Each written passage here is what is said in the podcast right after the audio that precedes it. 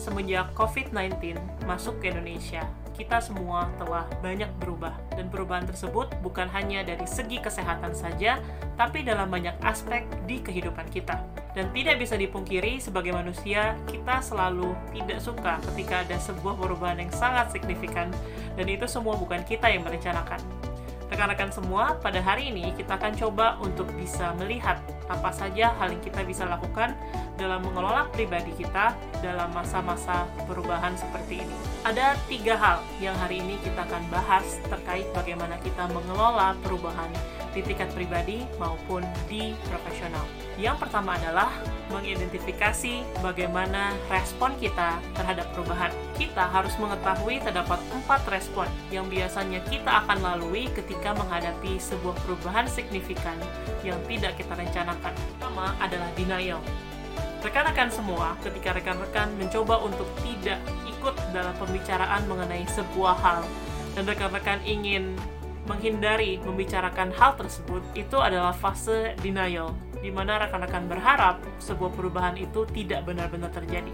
Fase yang kedua adalah resisten. Biasanya, jika rekan-rekan mengalami respon resisten, rekan-rekan akan cenderung marah dan menyalahkan orang lain, lingkungan, dan siapa saja yang menurut rekan-rekan bersumbangsi terhadap perubahan yang signifikan ini. Fase yang ketiga atau respon yang ketiga adalah rekan-rekan akan exploring. Di fase ini rekan-rekan sudah mulai mau mencari tahu bagaimana caranya supaya bisa menghadapi dan beradaptasi dengan perubahan yang terjadi. Sampai di level yang keempat atau respon yang keempat adalah komitmen. Di sini rekan-rekan sudah mulai menerima bahwa terdapat perubahan dan mungkin ada satu respon di mana rekan-rekan tidak ingin kembali lagi ke kondisi yang semula. Jadi rekan-rekan sangat nyaman dengan new normal yang sekarang. Langkah yang kedua adalah rekan-rekan harus terus maju.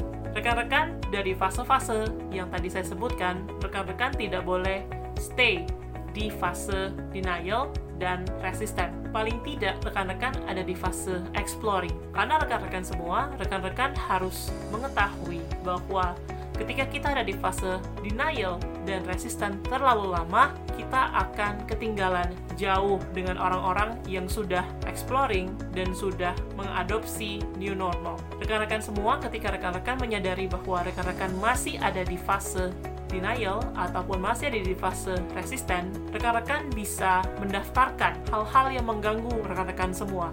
Hal-hal yang menurut rekan-rekan sangat menakutkan yang datang bersama dengan perubahan. Setelah itu, rekan-rekan bisa berdiskusi dengan mereka yang sudah ada di tahap komitmen, sehingga orang-orang ini bisa memberikan jawaban atas kegelisahan rekan-rekan dan rekan-rekan bisa segera maju ke step selanjutnya yaitu exploring dan komitmen.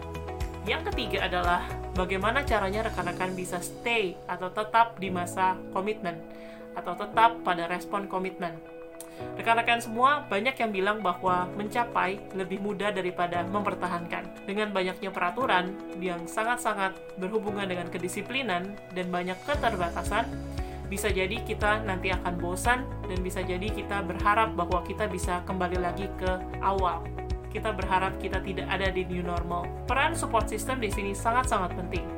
Karena itu, jangan pernah bosan untuk menjadi support system bagi satu sama lain untuk bisa mengadopsi dan untuk bisa hidup di tengah-tengah new normal. Tiga langkah ini rekan-rekan bisa rekan-rekan praktekkan untuk bisa mengelola perubahan dalam pandemi dan pasca pandemi untuk bisa sama-sama hidup berdampingan dan bisa mengadopsi new normal yang baru. Baru lebih seru bersama MBI. Demikian dari saya, sampai jumpa di video yang berikutnya.